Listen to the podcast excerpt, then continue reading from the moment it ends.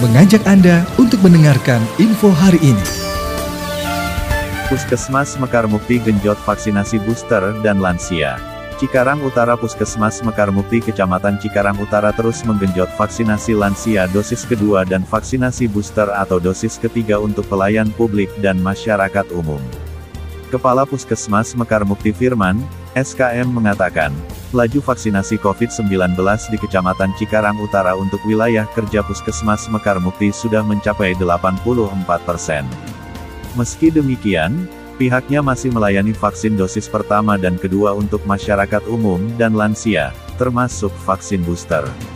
Kami terus bergerak dan melayani kegiatan rutin di puskesmas kita, setiap hari buka layanan dan juga kita buka di setiap posyandu, jadi lansia yang belum tervaksin bisa hadir ke posyandu, kata Firman saat ditemui di Puskesmas Mekar Mukti pada Rabu, tanggal 2 Maret tahun 2022.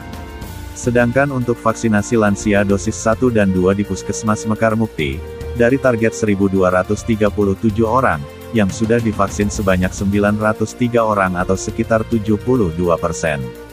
Ya, kami terus menggenjot program vaksinasi di Puskesmas Mekar Mukti terutama lansia yang paling rentan terkena terpapar virus COVID-19 ungkapnya. Firman juga mengimbau kepada masyarakat yang sudah divaksin diharapkan tetap selalu menjaga protokol kesehatan dalam aktivitas sehari-hari. Harapan kami untuk ke depan, ada peran aktif masyarakat untuk mengikuti vaksinasi, karena pandemi ini belum berakhir.